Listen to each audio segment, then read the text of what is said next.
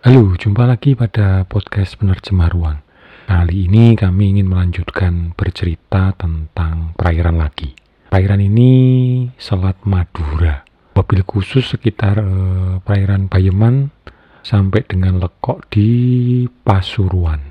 Ceritanya adalah kira-kira tiga bulan yang lalu atau tepatnya tanggal berapa ya 12 dan 16 Agustus kami sempat eh, ke sana untuk melakukan pengambilan sampel di perairan tersebut. Dan ini di YouTube channel kami sudah eh, terupload video tentang perjumpaan kami dengan hiu paus atau whale shark itu. Perjumpaan yang menakjubkan menurut kami. Bagaimana tidak? Makhluk sebesar itu, eh, ikan sebesar itu dengan mulut kalau membuka itu sangat lebar dan nampaknya kalau kami masuk ke dalam mulutnya itu juga bisa muat. Tapi kelihatannya ikan tersebut santai, jinak, dan ternyata setelah kami cek di Fishbase, jenis ikan itu makanannya adalah organisme yang kecil-kecil, ya ya istilahnya planktonik dan nektonik.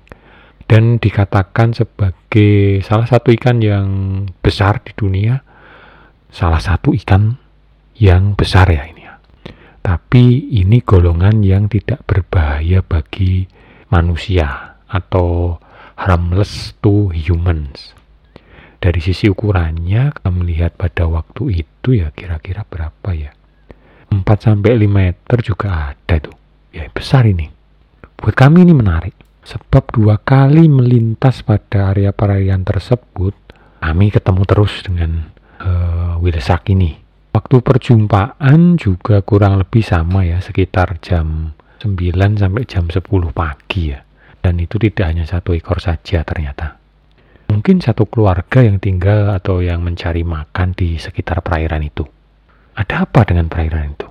Sementara ini, hasil dari analisis data perairan yang kami miliki, area perairan yang menjadi tempat wilsak tersebut memiliki konsentrasi klorofil A yang cukup banyak. Artinya di perairan tersebut eh, kelimpahan fitoplankton lumayan banyak. Suhu airnya juga relatif hangat, jadi mungkin bisa kami katakan nyaman deh kalau untuk tinggal.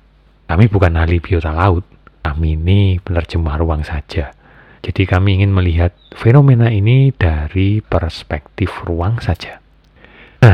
Untuk itu kami melakukan pengolahan citra satelit dan mengala, mengamati ya fluktuasi kemudian sebaran spasial konsentrasi klorofil A di perairan yang menjadi area kemunculan whale shark tersebut. Ya sih, kecenderungan konsentrasi klorofilnya di perairan tersebut ada sekitar jam 9 sampai 10 pagi kurang lebih ya, lumayan tinggi ya di perairan itu. Kami melihatnya dari analisis uh, ini nggak cuma satu citra saja. Jadi kami mengolah citra dari bulan September 2020 backdate hingga kurang lebih satu tahun ke belakang. Jadi uh, dari pola-polanya tersebut ternyata memang di perairan itu uh, memiliki konsentrasi klorofil yang klorofil A yang tinggi. Tahun depan sih nyoba nyari riset green lagi untuk dapat lebih menguak detail mengapa perairan di sekitar Lekok sama Bayeman itu disenangi oleh whale. Adakah kontribusi dari sumber-sumber di darat yang membuat area perairan tersebut memiliki kesuburan yang lebih? Nah, informasi dari nelayan katanya munculnya whale shark ini reguler di periode bulan Juni Agustus dan kadang-kadang katanya sih bulan Desember. Wah, ini menarik sekali secara keruangan. Apakah ini juga ada kaitannya dengan perairan di sekitar uh, Python Probolinggo yang beberapa kali di sana hingga whale sharknya itu ada yang terjebak di sekitar outlet uh, turbin pembangkit listrik itu. Kemudian saya, eh, kami itu juga berpikir dari mana ini Wilsak ini. Kemudian jelajahnya itu ke mana saja. Sampai kini juga belum diketahui.